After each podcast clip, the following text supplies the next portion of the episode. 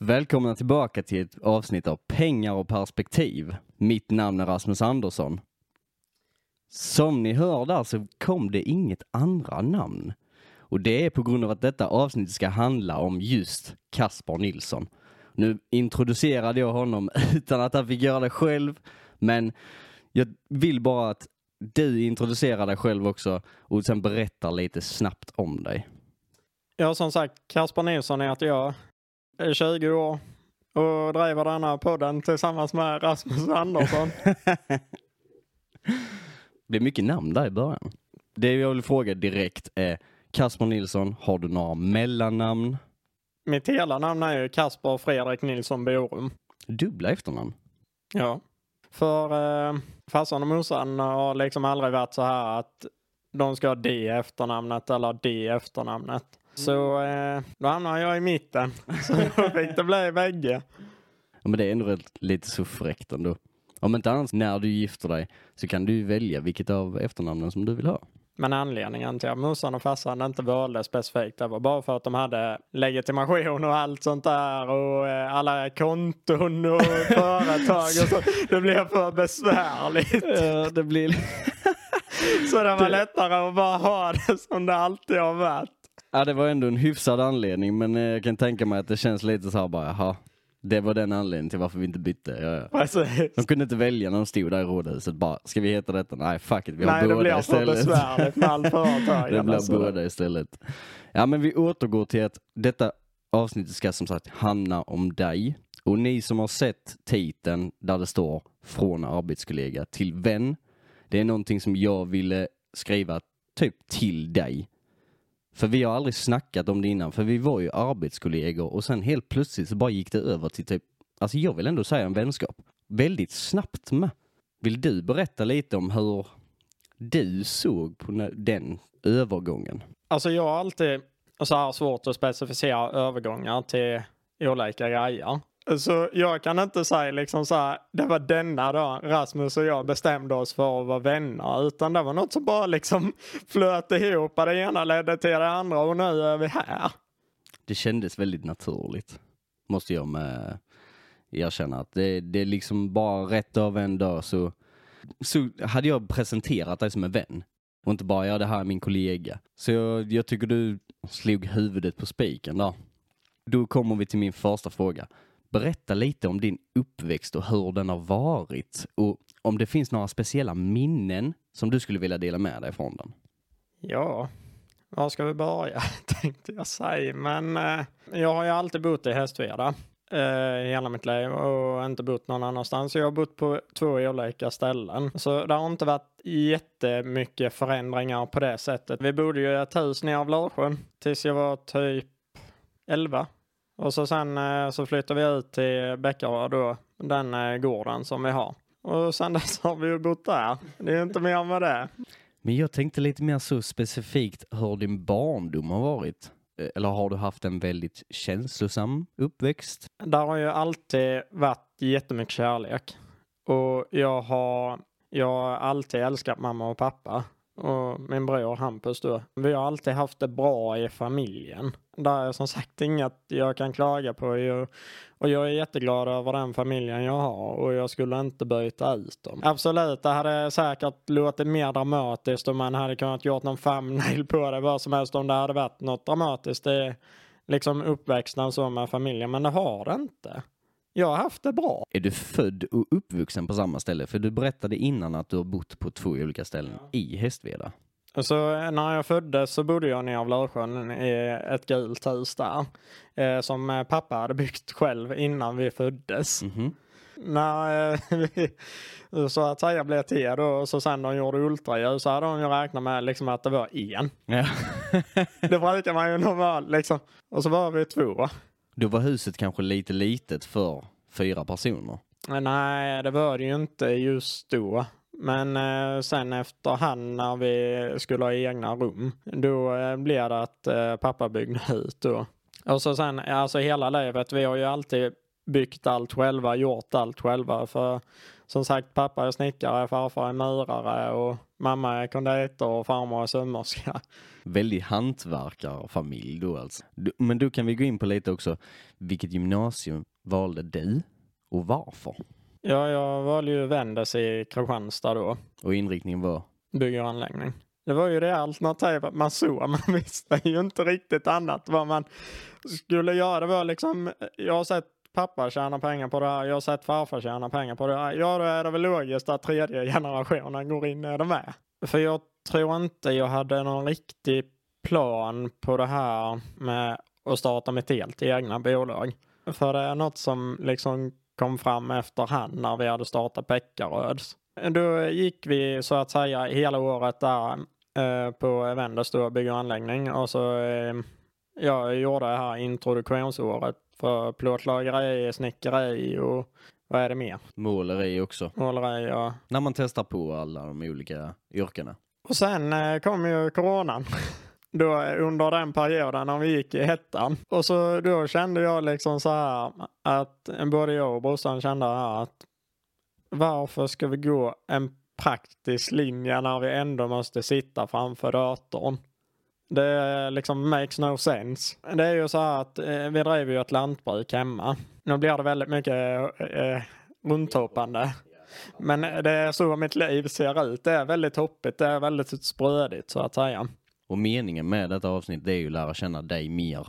Inte bara, inte bara jag, utan detta kommer jag också såklart ta del av. För det är många grejer som inte ens jag vet om.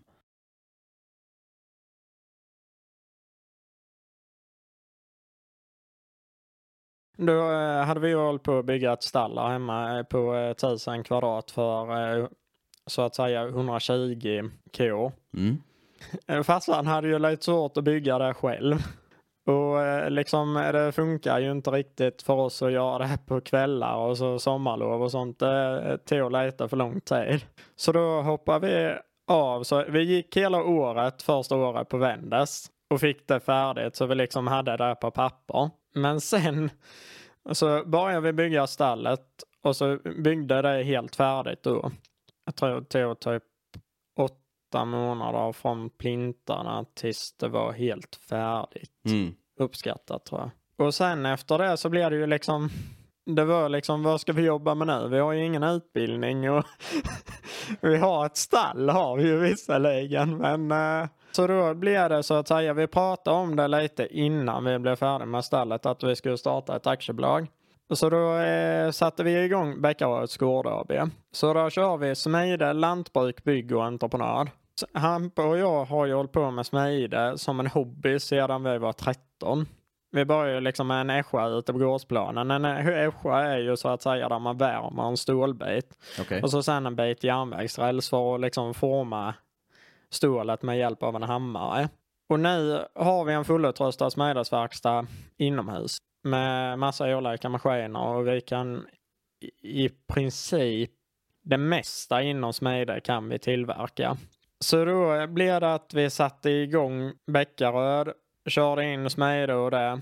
Sen märkte vi att vi har ju en hemsida och så har vi liksom försökt sälja smidesgrejer. Det går ju så att säga, det görs ju inte över en natt. Eh, Man säljer tillräckligt mycket så man liksom kan leva på det helt och hållet. Så då eh, började jag även snickra, för då hade vi en inhyrd med då.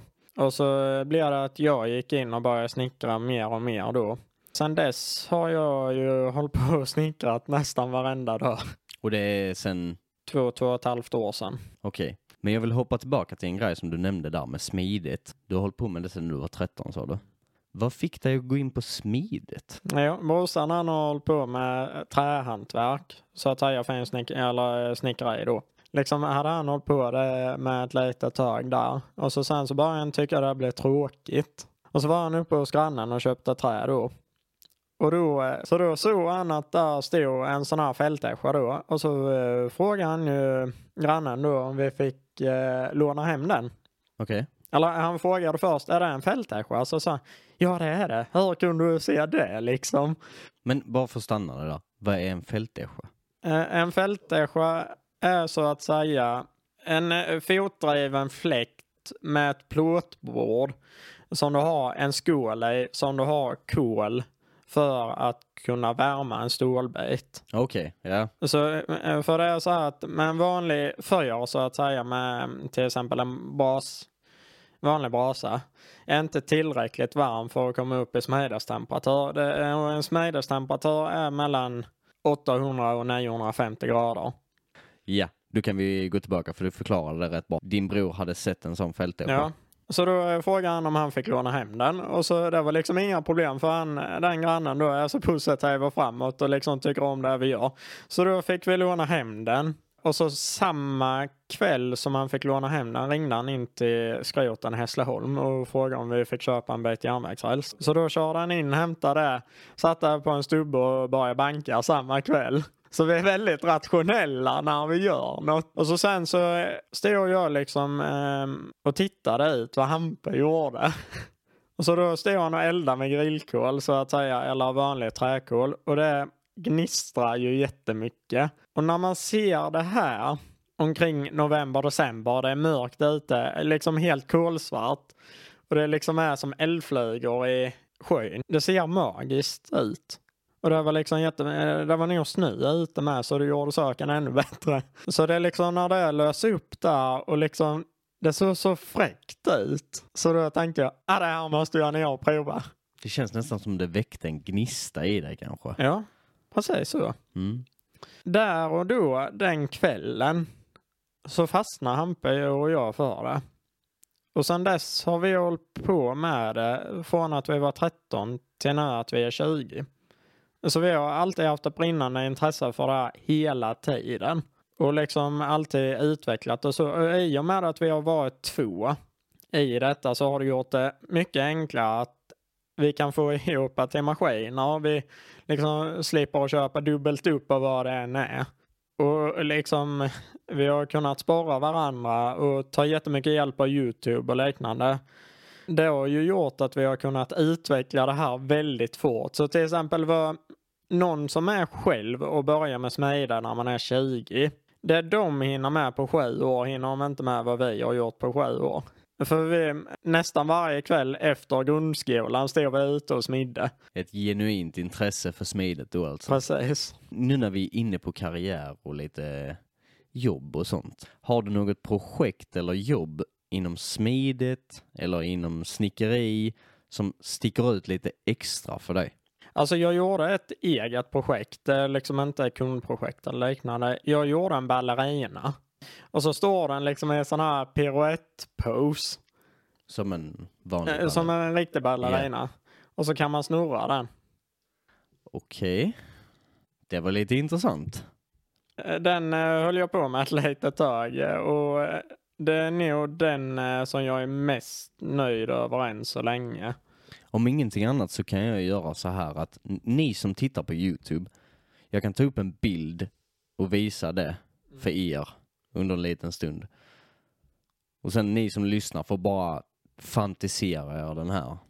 För detta gjorde du i smide då alltså? Precis. Mm. Ja, den är helt i stål. Det är just själva känslan av den här, så att säga, konstverket ger dig och så att säga jobbet som är nedlagt på den. Så det var därför liksom, eh, oavsett vilket bud jag skulle få för den, jag skulle aldrig sälja den. Fy fan vad skönt att ha någonting sånt. För att hoppa vidare till någonting annat också. Nu när vi ska lära känna dig lite mer. Hur ser din fritid ut? Och vad består dina hobbys av? För vi vet ju såklart den ena hobbyn och det är ju poddandet. Rent spontant bortsett från eh, poddandet har jag ingen fritid. Det är ju liksom inte, jag står ju inte och snickrar aktivt 24 timmar om dygnet. eh, Men även om jag tar det lugnt så försöker jag alltid ta till mig grejer hela tiden. Som gör att jag kan utveckla det jag jobbar med. Jag lever ju en livsstil. Jag känner inte så här att och jag hatar mitt liv, jag jobbar liksom och jag jobbar för någon annan. Okej. Utan det gör jag inte för jag jobbar för mig själv. Det tror jag jag söker en lättare och roligare att man vill hålla på de timmarna som man gör. Bara ett exempel, då var det ett räcke vi höll på med häromdagen. Så då började vi till exempel med det typ i sju på morgonen. Och så körde jag inte därifrån förrän typ klockan var sju på kvällen. jag vill få saker färdigt och liksom jag vill att det ska hända grejer. Och jag är väldigt ivrig av mig. Nästan varje dag så händer det en ny grej och jag tycker det var tråkigt om det inte gör det. Ja, den kan jag för, faktiskt fullt förstå. För jag har liksom inte tråkigt en enda dag. Alltså för det ena byter av det andra. Som Bäckares Gård AB. Jag har CMB e-handel, mitt egna, och sen eh, konditoriet i Osby. Det ena byter av det andra, så det finns, man blir liksom aldrig sysslolös. Och så nu med podden och sen, alltså, Du har någonting att göra hela tiden. Alltså. ja. Så din fritid finns ju, alltså det känns ju fel att säga att Jag hade kunnat haft fritid om jag hade velat, men jag vill inte ha fritid för jag vill leva mitt liv och min livsstil. Mitt jobb är min hobby och min hobby är mitt jobb. fan vad härligt sätt att säga det på. ja. Jag önskar med att min, eh, mitt bestod av det. För jag älskar ju allt jag gör och jag skulle inte vilja göra något annat för jag vet att jag är i rätt riktning. Ja, för det snackade vi om för några avsnitt sedan. När jag frågade dig om det känns som du verkligen är på rätt bana. Jag kan ju inte säga exempelvis specifikt detta poddavsnittet är i rätt riktning eller om den här bolagsgrejen är i rätt riktning. Men det känns som, styr jag båten dit så borde vi nog komma dit. Ibland så får man helt enkelt gå på sina egna känslor bara. För eh, det är viktigt det med. Tänka på sina egna känslor, tänka på vad man, vad man själv vill. Men eh, sen så att säga, jag funderar inte så mycket över om jag är ledsen eller om jag är trött eller så. Så till exempel är det något som ska bli färdigt, då ska det liksom bara bli färdigt och sen börjar det mör- mörkna ute, nej då kör man inte hem för man kör hem när det är färdigt. Jag kan ändå förstå det till viss del. Men det är också viktigt att vara liksom in tune, så att säga, med sina känslor. För även om man kan göra så som du gör där, att man stänger av. Jag har även också den förmågan, skulle jag vilja säga. Att man kan stänga av och sen bara göra det som behöver bli gjort. Men sen är det viktigt att inte vara avstängd alldeles för länge. Jag är med på vad du menar. Det är fler som har sagt samma sak till mig. För alltså, även om jag visar känslor i form av att jag är glad, engagerad och även arg. Jag visar inte så mycket känslor av att jag är ledsen. Nej. För jag vet att är jag ledsen så får man ju framstå som svag. Men det är nog bara någonting som vi antar. Ja, men det är nog en sån eh, manlighetsgrej. Det är det nog. Även om det får någon att känna sig att om jag visar mig eh, ledsen så känner, visar jag mig svag. Den kopplingen har jag inte riktigt längre. Men detta ska inte handla om mig. Så den kopplingen har du mellan dina känslor. Ja. Men eh, bara liksom att hoppa in rent spontant bara när vi pratar om det. Skulle du inte till exempel känna att det skulle kännas jobbigt att sitta och böla i ett poddavsnitt? Absolut inte. Jag är alldeles för bekväm i mig själv för att inte... För att jag bryr mig inte vad någon annan tycker. Skulle jag känna att jag skulle behöva det så skulle jag göra det. Så som jag tänker så skulle jag göra det så skulle jag känna mig...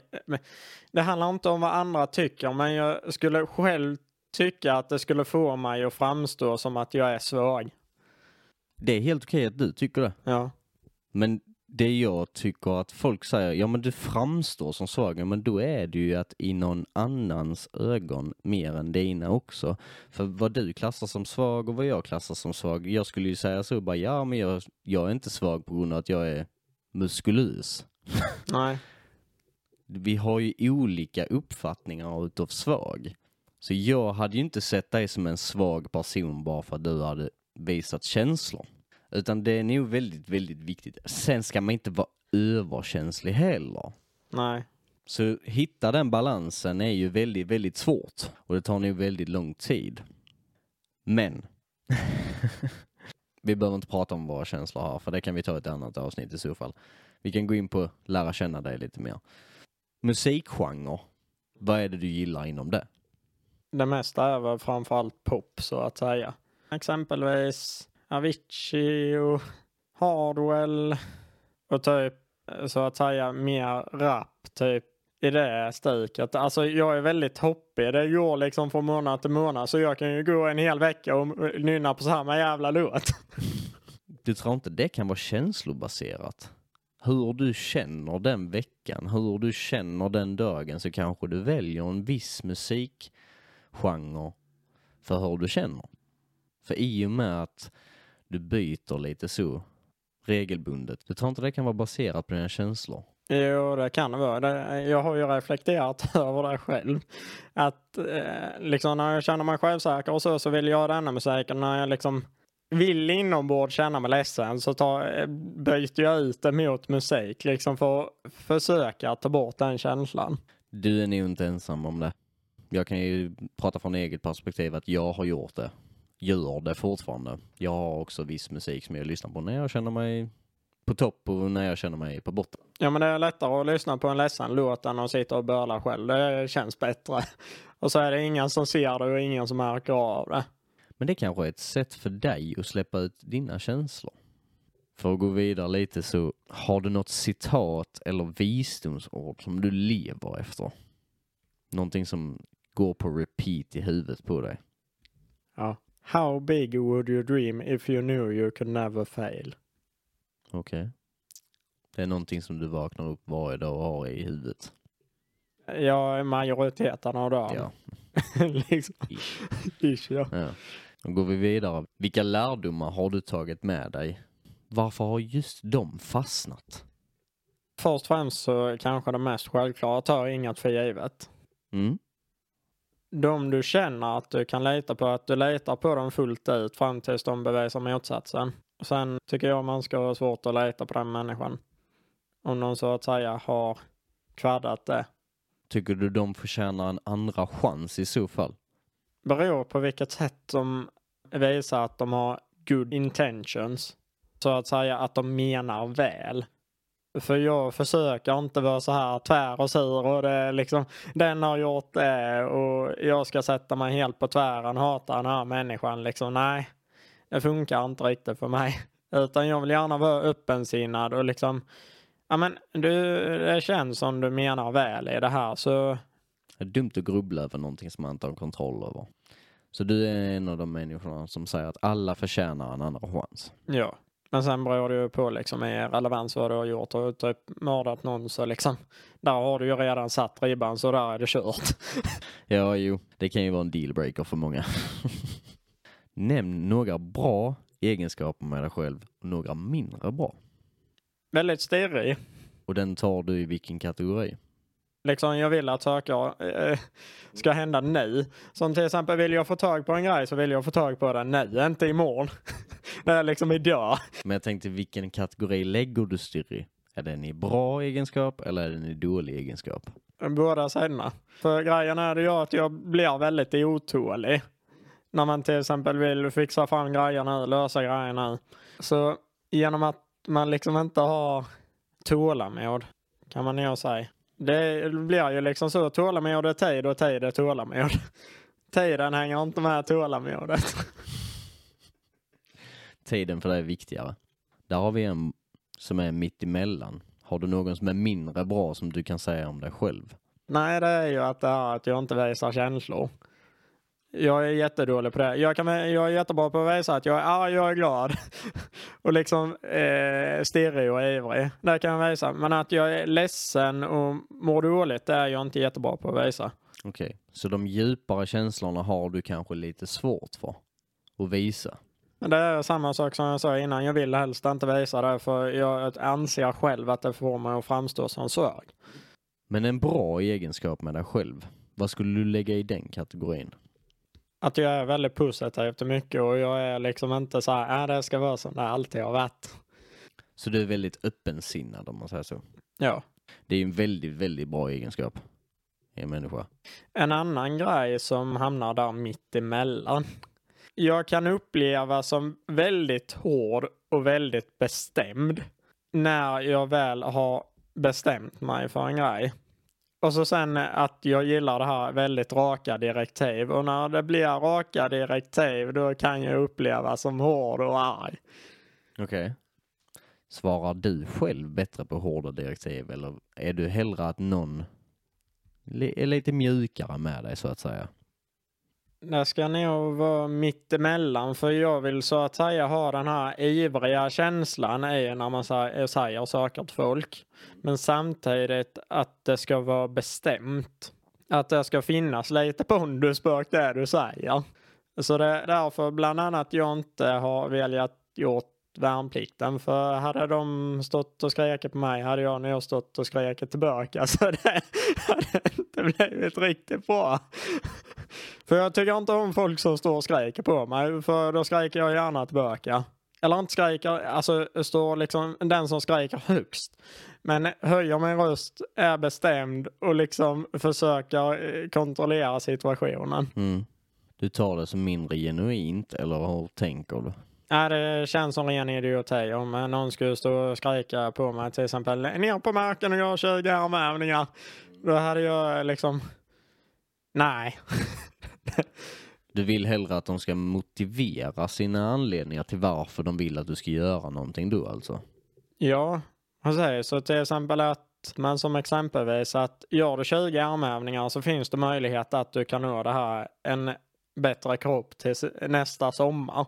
När man diskuterar det och sätter rationalitet bakom ett mål och liksom de här specifika punktgrejerna så blir det lättare och det blir mer så att säga schemalagt. Okej. För mitt liv är inte schemalagt på något som helst sätt. Utan om jag har planerat en vecka till exempel att vi ska vara på detta stället och snickra. Sen helt plötsligt måndag morgon kan vi inte komma dit. Det är inte grejer eller liknande eller det regnar eller det är väderproblem och liknande. Så då får vi ställa oss i verkstaden hos Mida. Sen ringer någon och så är det julmarknad då. Då måste vi börja tillverka grejer till det. Och så ringer någon och så får de inte av däcket på bilen så får vi hjälpa om med det. Och Men är du en väldigt, väldigt hjälpsam person om någon du skulle ringa och fråga dig efter hjälp? Kan du släppa allting och bara dra iväg och hjälpa den här personen då? Ja, det kan jag. Men eh, jag upplevs som väldigt aggressiv när eh, jag säger att ja, ja, jag får väl lösa det då.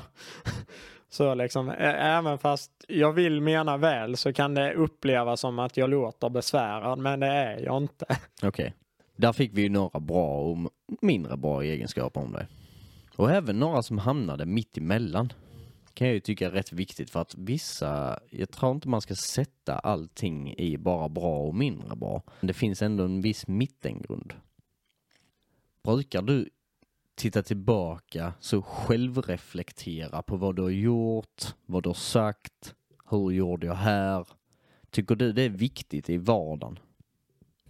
Nej, jag försöker inte lägga så mycket tid på vad jag har sagt innan utan hur kan jag utveckla det. Visst, sen eh, skulle man antagligen behöva blicka tillbaka, kolla över lite. För det är ju till exempel som poddavsnitten. Jag lyssnar igenom dem och snappar upp vissa grejer. Men hade jag liksom suttit helt stenfokuserad, fokuserad på varenda liten grej och liknande så hade jag nog kunnat titta hur mycket som helst. Men eh, jag hade nog blivit knäppt då för det, det funkar inte för mig. Jag måste på nä, nästa grej. Jag måste liksom fortsätta framåt. Men hur ser du då på personutveckling? Tycker du den är sammanlänkad med att man själv reflekterar eller du tycker att man kan... Nej, jag tror jag personutvecklas mer genom att interagera med folk och liksom prata, ha konversationer och läsa mig fram till grejer. Till exempel titta mig fram nya grejer. Och hur har du gjort för att få framsteg i det? Bara för att ge några exempel. Jag hade läst en bit i Rich Dad Poor där. Så insåg jag ju att jag måste ju omringa mig med dessa typer av folk som jag vill bli. Mm. Alltså jag är inte så här att jag vill bli specifikt som den här personen. För det kan man ju aldrig bli ändå, hör man än vänner och vrider på det. Men jag kan sträva mot att bli som den här selektionen av personer är. Och skapa en egen version av mig själv. För det är precis samma sak som med alla smidesgrejer vi gör. Man ser ju hur mycket som helst på nätet och jag försöker inte kopiera något rakt över utan jag försöker plocka lite här, lite där och lite där och lite där. För att skapa min egna grej så att säga. Din egen karaktär. Kan man också Precis. säga. Karaktär låter väldigt ofta fel, tycker jag själv i alla fall när jag använder ordet karaktär innan. För det låter som att du skapar någonting som är utom dig själv. Det kändes som ett falskt person. Mm. Jag är med på vad du menar. Men kan inte karaktären vara dig själv? Absolut. Det är det jag har insett. Att karaktär är någonting du skapar. Ja, eh, för man måste ju försöka särskilja på det att inte ha två karaktärer eller tre eller fyra karaktärer i sig själv. Liksom, om vi säger till exempel en man då, alltså eh, pappakaraktären, jobbkaraktären och visst, där blir ju att man hoppar mellan lite olika roller. Men är du inte något sån där eh, likadan emellan så blir det väldigt ogenuint. För det känns aldrig som du är ditt riktiga jag. Nej, precis. Känner du att du är ditt riktiga jag? Ja. Jag eh, försöker undvika att ljuga runt grejer och liksom veta lögner och allt sånt här. För det gör bara komplicerat för mig själv. Så det, jag vill göra det så lätt som möjligt för mig själv och inte komplicera saker och inte såra folk. Väldigt bra egenskap. Och inte vilja såra folk. Mm. Jag försöker ju alltid sträva mot att mena väl. Min ambition är ju liksom inte att ta över hela världen från ett affärsmässigt perspektiv. Utan mitt så att säga mål och vision är ju att de som jobbar med mig inte så att säga i enbart min fördel utan jag jobbar inte själv utan jag jobbar i team. Och så länge mitt team mår bra så mår jag bra. För det har ju liksom så att säga blivit som ett team, du och jag i podden och så till exempel han jag jobbar med på snickeriet, vi är ett team där. Så det är så jag vill jobba. Och jag jobbar ihop och jag jobbar helst inte själv. För hade jag jobbat själv kommer jag inte komma dit jag vill. Men nu när vi är inne på team och vad jag skulle ändå säga att vi som vi har som sagt en vänskap. För nu börjar vi närma oss mot vårt slut av detta avsnittet. Så jag har två frågor som jag personligen vill veta dina svar på. Har vår vänskap hjälpt dig på något sätt? Och hur i så fall? Ja, den har hjälpt mig. Först och främst, när vi träffades där uppe på Sot, då eh, kände jag mig inte riktigt lika ensam. För här är någon som liksom förstår mig. Här är någon som fattar hur jag tänker. Jag vill inte säga liksom att det enbart har gynnat mig själv. För jag, jag, det jag vill är ju att det ska ha gynnat oss båda. För jag vill inte se allt liksom så här transaktionellt. Nej. Så det, men jag har ju svårt så här med att så att säga sätta etiketter på grejer. Till exempel som innan när jag hade en flickvän, liksom eh, den dagen när man liksom flickvän och pojkvän. Men när du ringde till mig, så när du hade skrivit ihop ett avsnitt, så eh, alltså jag tänkte inte jättemycket på det. Men sen när jag väl hade läst Ja. och sett baktanken med det och framförallt sett rubriken. Mm. Då blir jag ju alldeles varm i hjärtat. För det är liksom, det är någon som är genuin. Jag hade inte kunnat fantisera med detta liksom när jag frågade dig denna frågan när vi stod uppe på det hyreshuset vi byggde då och frågade ska vi starta en podd? Jag trodde, jag, jag hade ju liksom ingen tanke vad det skulle leda till. Nej, Men jag är så glad vad det har lett till. det var ett bra svar. Det var det. Nu när vi är inne på att starta podd. Hur kom det sig att du ville starta podd? Och ännu en gång, inte minst med mig. Ja du. Jag vet, alltså det var i och med att vi pratade så mycket just där och då när vi exempelvis gick och gipsade och det liksom, det blev mycket tid att, för jag har svårt det här att eh, om någon träffar mig under till exempel 10 minuter, en timme eller något sånt, då kan jag antingen verka som världens rationellaste människa, verka eh, framstå som världens trögaste människa, eller liksom framstå som världens argaste människa. Mm. Men när man går under en längre tid och pratar med en person, det ger en möjlighet till att utveckla en relation. Jag har liksom gått under en längre tid så med olika personer. Om vi säger så här, jag, mig är nog inte en sån du kan bli en snabb vän med. Man måste nog ha träffat mig under en längre tid för att verkligen förstå mina avsikter. Jag kan tänka mig att du ser min vision och mina tankar och mina drömmar och mål. Så liksom, ja men han verkar inte dum i huvudet. liksom, där finns något bakom den kokosnöten. så. Så det var det som fick dig att vilja starta en podd? Ja, ja, dels. Men det var mycket som gjorde att jag ville starta en podd. När jag hade läst Rich Dad Poor Dad och jag kom på att jag kan inte göra det här själv utan jag måste prata med folk, jag måste kommunicera och jag måste vara öppen. Så tänkte jag, fan det här är ett steg i rätt riktning. Mm. Så vi provar och ser om det går. För det var ju liksom något jag liksom hade flummat runder i en tanke liksom där tio minuter. Ah, fan jag slänger ut mig där och frågar, Rasmus ska vi inte starta en podd? Och sen kändes det för som du trodde att det var ett skämt. Alltså, inte som ett skämt. Nej men eh, typ tjabb. Ja, för man har ju haft så mycket innan när man har pratat med andra kompisar som jag har haft tidigare. Att man har haft sådana världsplaner som har varit väldigt roliga att snacka om på fyllan om vi säger så istället. Det har varit väldigt många sådana planer som man har gjort som har varit jätteintressanta att prata om på fyllan. Eller prata om till och med nyktra. Men det har aldrig varit ett startskott. Och det har aldrig blivit rationellt. Nej, jag trodde det var tomma ord. Ja. Om vi säger så istället. För även om jag hade känt dig ett litet tag så kan det ändå vara tomma ord. Jag har nog väldigt svårt för att lita på en person till 100 procent Mm. när de säger någonting.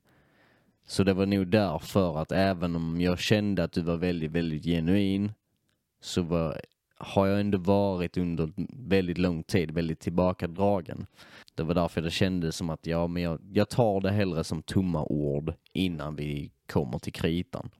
Så det var liksom inget illa menat med Nej, det. jag är med på vad du menar, men jag är med på din tanke. För då när jag sa, ja men jag beställer poddgrejer så provar vi. Mm. Men vad tänkte du liksom när vi väl satt där på första avsnittet? Eller det första vi gjorde blev ju inte ens ett avsnitt. Nej, det blev det inte. Utan det blev en mer, eh, Så att säga bara ett test. ja, och den har ju inte vi släppt. Nej, När vi har gjort vårt hundrade avsnitt så kan vi släppa jag tänkte det med liksom så. Så det är en liten sån teaser till folk. Det kan vara, eller teaser kan man ju inte säga, men det är lite sån special. Så när vi har gjort hundra avsnitt så kan vi släppa den. För att det var bara mest att jag tror det var faktiskt du som kom upp med det som en idé. Att vi bara sätter oss ner och tar det här avsnittet och bara ser hur det känns. Ja, det var just bara för att få det gjort. Och det är ju lite så att man måste ju faktiskt doppa tån i vattnet för att se om det är kallt eller varmt. Så det var lite så att vi bara ville pröva. Och eh, jag kände att jag har haft väldigt, väldigt mycket inuti mig som jag velat prata med någon så pass djupt som du jag gör. Det har jag bara kunnat göra med min sambo. Och vi hade inte heller varit på det planet riktigt så innan. Så alltså podden för mig har hjälpt mig i relationen som jag har med min sambo. Vänskapen som jag har med dig och mina andra tre vänner som jag har som är nära vänner. Utan den har hjälpt mig med allting. Min relation med min far har blivit bättre på grund av podden. För att det, det, alltså, jag har kunnat prata av mig om grejer som jag inte vågat vara öppen om innan och det har hjälpt mig att utveckla mig själv som en person.